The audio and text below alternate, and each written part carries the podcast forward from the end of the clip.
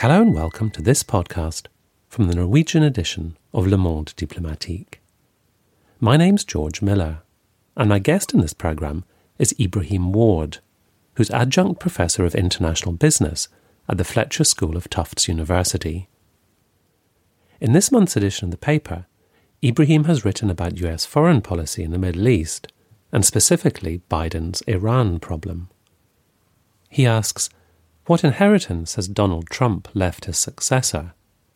And what clues are there so far as to the Biden administration's stance towards the wider region? Three years ago, Trump withdrew the US from the Iran nuclear deal and reimposed stringent sanctions. The deal still exists, six of its seven signatories remain, but it is, as Ibrahim Warde points out, on life support. Biden's choice of Robert Malley as his Iran envoy, and therefore the person to re engage in negotiations with the Islamic Republic, has been one of his most controversial appointments. It aroused strong criticism from the right, who fear he'll prove too emollient. We'll talk about the man and his mission. We also talk about US relations with Saudi Arabia and Israel under Biden. But when I called Ibrahim earlier this month, I started by asking him about another inheritance from Trump the Abraham Accords between Israel, the United Arab Emirates, and the US. Should they be chalked up in the credit column? Well, in some ways, it is an achievement because it's been quite elusive getting Arab countries to sign any kind of agreement with, with Israel. And in this instance, uh, the word normalization was used, which is I don't know if it is uh, excessive or not, but certainly uh, in terms of being able to fly to each other's country, to get visas, to conduct business, etc. So, on uh, from one perspective, it is quite an achievement. So, four countries did that, starting with the UAE, then Bahrain, uh, then Sudan, and then Morocco. And then there are a few others that are being discussed. So, one way of looking at those agreements is that, especially with Gulf countries, and to some extent with uh, a country like Morocco, it's a way of officializing something that already existed. So there have been, for the past uh, few years, a number of direct business contacts between Gulf countries, including actually Saudi Arabia, which is not part of those Abraham Accords, and especially in the field of security. So, and this was always an open secret that there were ties between Israel and some Arab countries. So, what Jared Kushner did was essentially get into business deals or business oriented deals. And here, all the protagonists belong to a very narrow group of people who think alike. And so, there are two diplomats. I won't get into the names and the details but basically, when Trump became president, the two people he named to deal with the Arab Israeli conflicts uh, were former employees of the Trump company. One of them, technically, was just the bankruptcy lawyer of Donald Trump, which kind of he had many occasions to use. Uh, the other was just a top executive of the Trump organization. And so these two people were also very marked ideologically, and then they were both very close to Benjamin Netanyahu, but also they had a very specific agenda in terms of the settlements. And so they, they, they would be categorized as uh, kind of uh, very right wing in terms of Israeli politics. Uh, in addition to these individuals, there was um, a very prominent donor who was technically American. Uh, his wife was actually Israeli, and his name is Sheldon Adelson. And Sheldon Adelson turned out to be Trump's largest financial backer. So he gave huge amounts of money to Donald Trump. And Adelson was uh, almost obsessed with the question of moving the capital to Jerusalem. And then on the Arab side, there were a few individuals who also played an important role. So the two crown princes, uh, MBS, of course, of Saudi Arabia, who ended up having a very close personal relation with Jared Kushner. And then, lesser known, but no less important, was Mohammed bin Zayed, so called uh, MBZ, who did the same thing in the UAE. Then there was an assortment of business people who had something to obtain uh, for themselves and their businesses out of those deals. And that was essentially the group of people who put together those, those Abraham Accords. So, depending on how you look at it, it's either a great achievement or a formalization of something that already existed, or more business oriented deals within a very small group of, uh, of protagonists. We know that the, the, the Trump administration saw the world in very transactional terms, didn't it? You mentioned there the move of the, the US Embassy in Israel from Tel Aviv to Jerusalem. So that's another inheritance that, that Biden has from the Trump administration. That's not going to change. That's something that's that's been ratified by the Senate. That's right. President Biden, or then candidate uh, Biden, had made that very clear that uh, he would build upon uh, those agreements uh, and uh, those decisions having to do with uh, moving the capital to, to Jerusalem, but also the Golan Heights. And so basically everything Netanyahu wanted, Netanyahu got. And one of the criticisms of uh, the way in which uh, Donald Trump operated was that despite the fact that he kept touting himself as the great deal maker, he, ne- he got nothing in return. He asked nothing in return.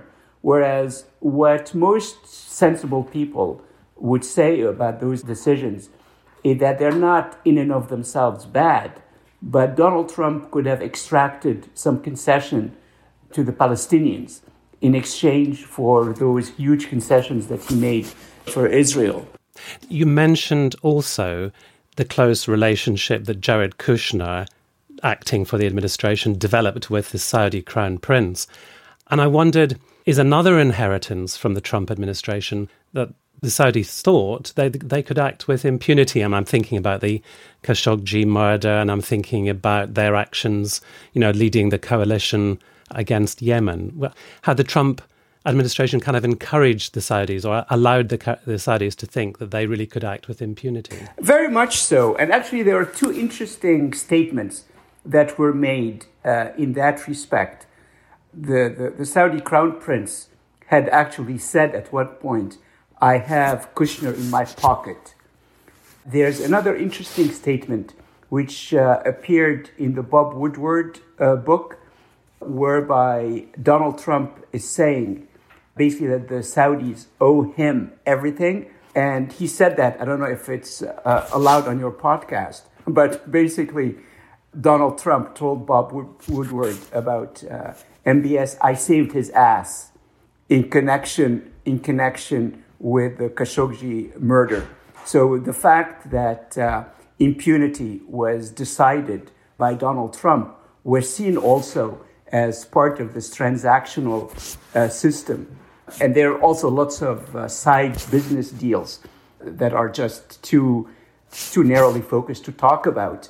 But, but all this was part of the bigger package. Would it be true to say that we are already, we're still in the first 100 days of the Biden administration, but we're already beginning to see some pushback on that attitude to Saudi Arabia, that more than just rhetoric? Uh, very much so. And actually, uh, one concrete step taken by President Biden was basically that he would no longer deal with MBS.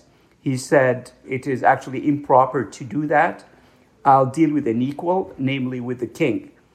And that was already a huge difference because the king is quite elderly and it is really unclear what his cognitive abilities are at this, at this time. But the fact that Biden made, very that, made, made that very clear is quite significant. I guess, though, important although all those things we've just talked about are, the really big one is the Iran deal, which Trump made plain he was opposed to really from the start, and from which he withdrew the US in 2018.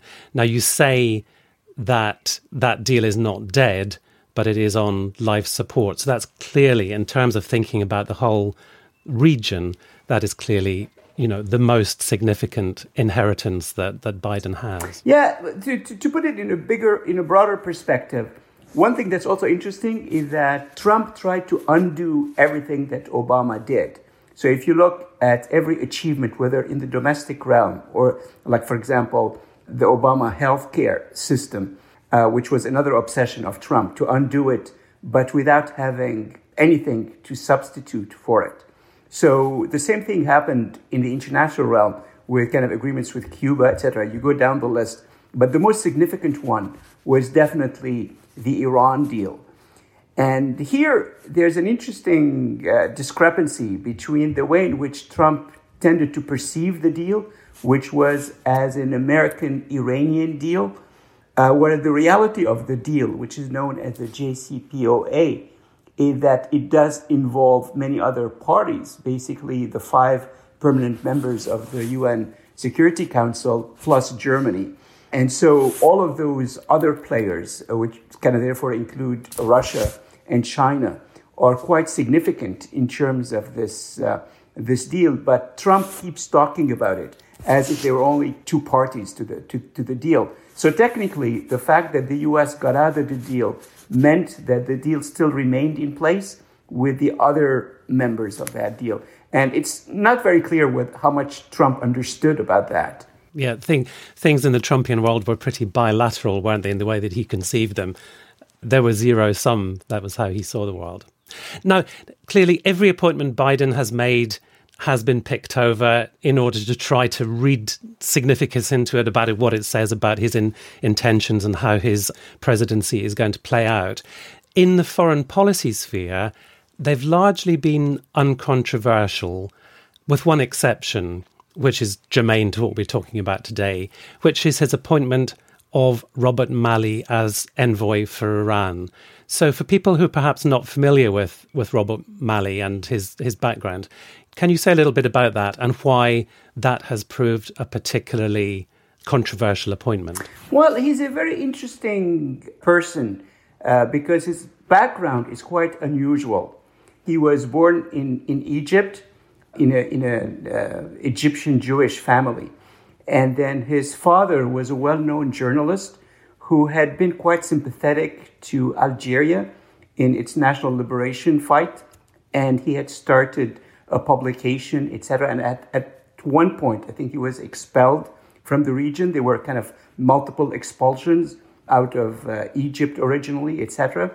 And then he grew up largely, uh, so Robert Malley grew up uh, largely in France, uh, which is where he met with Antony Blinken, whose uh, stepfather lived in, in France, and they went to school together uh, the equivalent of uh, kind of in, in, their teen years, in their teenage years.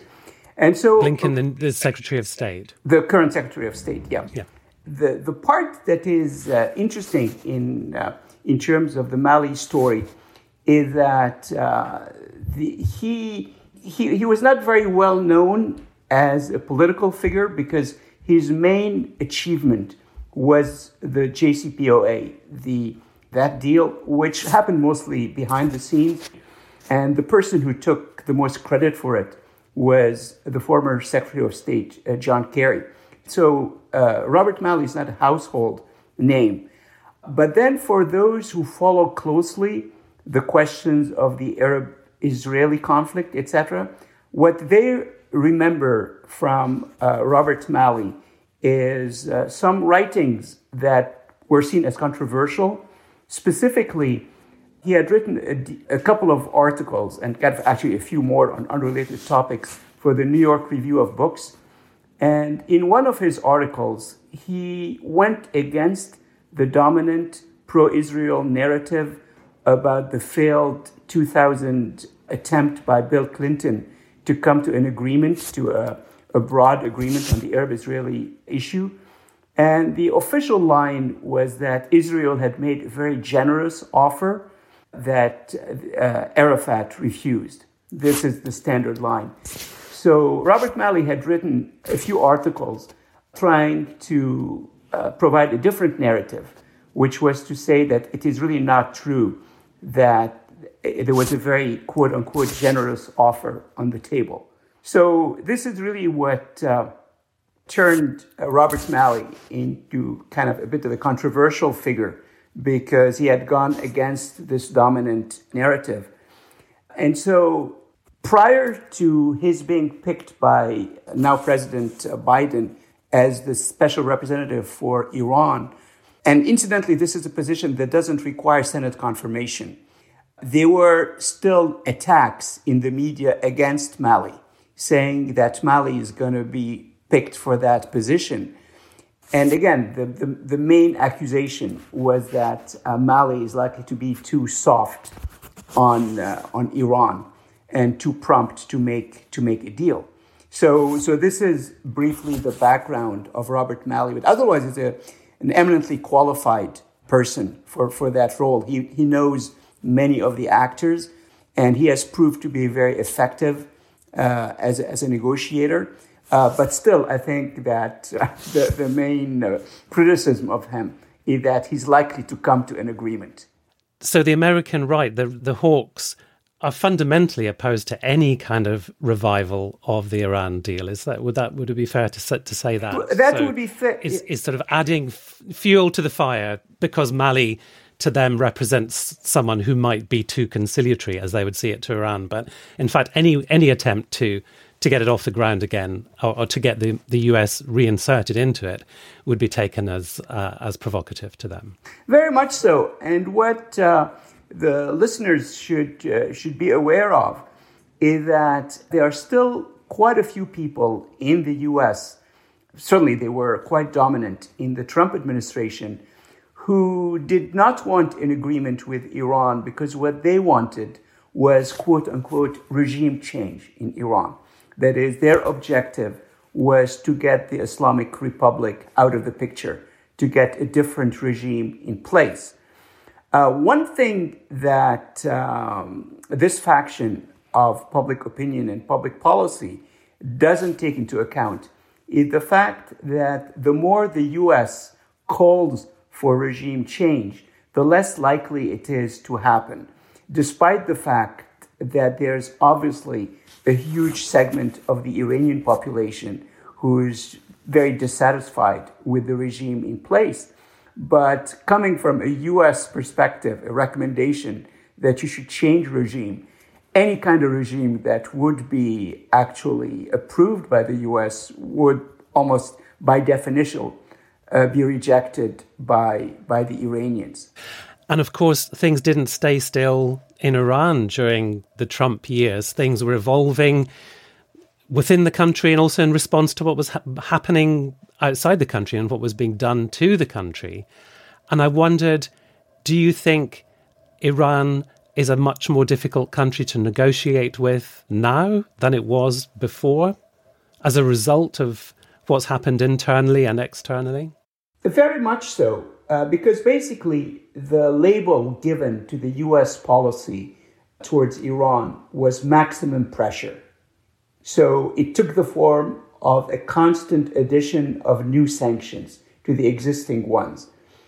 The way in which the Iranians responded to this policy of maximum pressure was to stress what they call in Iran the resistance economy, which is basically a way of saying, well, we're used to sanctions and we'll live, uh, we'll live with them. We won't make any political concessions. So the fact that, uh, again, the, the, the, policy was not very concrete in terms of what the Trump administration wanted. There were actually two factions, if I can elaborate on that for a minute, in the US. Uh, you had what the real hawks, people like John Bolton, who had been the national uh, security advisor, or people like uh, Mike Pompeo, who was the Secretary of State. What they really wanted was regime change. They, they wanted to have the Islamic Republic uh, get out of the picture. What Donald Trump wanted and some of his supporters wanted, they didn't care much about the ideological element. What they wanted was a, a deal that would be signed by Donald Trump himself. So, one aspect that is interesting is that despite the demonization of the Iranians, uh, Donald Trump kept sending signals to the Iranians that he wanted to negotiate one on one with President Rouhani. There was uh, kind of one documented attempt uh, to use President Macron of France uh, to, to broker a meeting between Donald Trump and President Rouhani when both of them happened to be in the New York in New York for the General Assembly of the UN, and it failed in the last minute. But it was apparently seriously considered by both, and Donald Trump was supposedly waiting in his room for uh, President Rouhani to show up.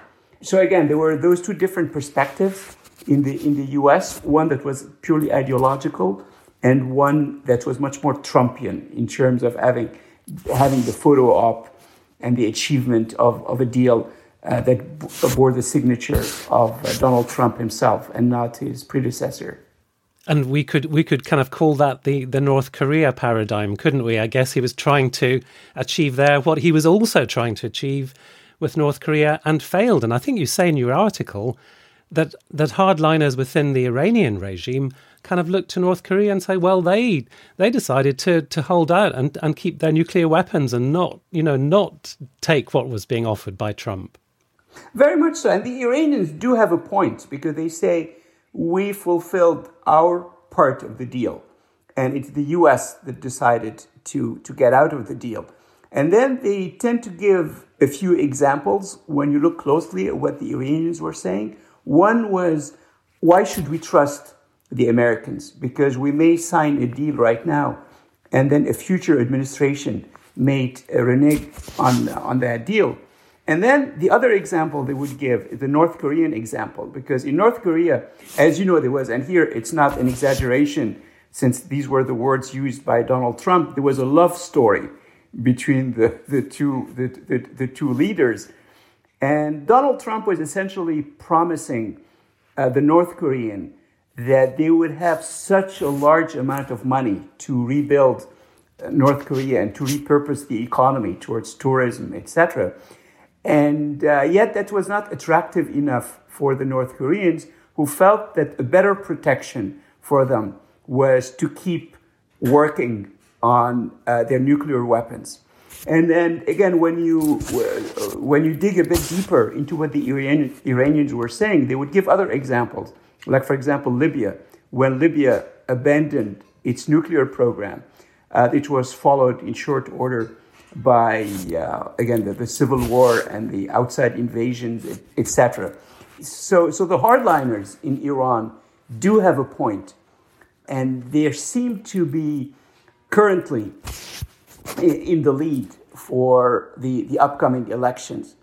So, again, there's a presidential election in June in Iran, and the hardliners seem to be reasonably well positioned. There are also going to be some parliamentary elections, mostly by elections, because a number of members of parliament uh, have died of COVID.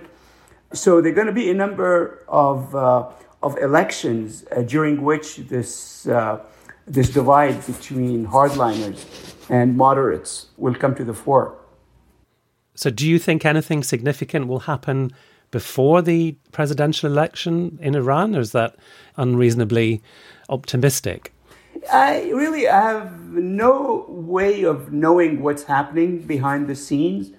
And clearly, there's a talented team of uh, specialists, again, on the American side, uh, led by, uh, by Robert Malley and it's it's very difficult to to again figure out what is happening in Iran. But clearly, Iran must be tempted on some level to have the removal of sanctions. The Iranian economy has been suffocating because of all of those uh, sanctions, uh, kind of piled upon uh, one another. So one could see that many in Iran feel that the removal of sanctions is enough of a carrot to get them to the table, while the hardliners are offering the opposite argument. So if the if the deal still exists because most of the participants haven't withdrawn from it, the US can presumably rejoin it mm-hmm. as it stands, subject to agreement on which sanctions it's willing to remove. Is that is that the essence of the discussion? What the US is willing to concede on sanctions and what the Iranians are willing to, you know, willing to accept. Is that is that basically in, in sort of crude, you know, talking about transactional terms, but is that basically what it is coming well, down to? there is this element which is quite fundamental about the, the, the technical aspect of sanctions. There's another one which is to make more demands on Iran. And this is what some of the hardliners in the Trump administration had been saying which is there should be an additional agreement on ballistic missiles, uh, which was not part of the earlier agreement. And then there is this word that has been used, which is this destabilizing activities of Iran in the region. So, what some of the hardliners have been asking in the US was for uh, Iran to stop meddling in the affairs of other countries in the region. And clearly, this is up to a point unacceptable for the Iranians because they've gained a lot of ground in Syria and elsewhere, and then they have close ties with the Hezbollah of, of Lebanon. And uh, I don't I don't see the Iranians saying, okay, we're going to stop intervening in all of those matters because uh, this is regarded as part of the Iranian national interest. So here, there's going to be probably some kind of uh, of an arrangement uh, where there would be the appearance that there is something that was added to the deal uh, without hitting too directly at what the Iranians perceive as being uh, their national interest. We've, we've talked a lot about Iran and Saudi Arabia, Ibrahim. Maybe as my final question, I could ask you do you have a sense of what kind of relationship the Biden presidency is going to have with Israel, because that's clearly another critical one in the region. Any early signs of how you think that is going to bed down? Well, the, the new administration has made it clear that there would be unwavering support for Israel in general, okay, and that whatever gains Israel got would not uh, be kind of go back on the negotiating table. Uh, at the same time, the Biden administration has stressed the fact that it is still committed to a two state solution and uh, they expect to have some concessions on the part of Israel as far as the Palestinians are concerned. So, probably on the question of annexation, which incidentally, kind of, it looks like, like a, a more like a fig leaf to me than an actual decision but during the normalization discussions between the UAE and Israel, uh, the UAE kept stressing that they did get something in return from Israel, which is that their decision to annex the occupied territories would be, for the time being, suspended.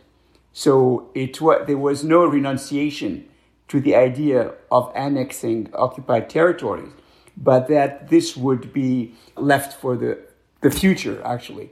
So, on that front, one can expect the Biden administration to adopt a tougher line uh, towards Israel on that subject and to try at least to extract some concessions for the Palestinians. The State Department under Donald Trump was completely sidelined. They were basically told whether we're dealing with Saudi Arabia or with the Arab Israeli conflict is none of your business to be part of it, which is a strange position to be in. And so, from that perspective, there is also something to rebuild in terms of bringing back the State Department in the game.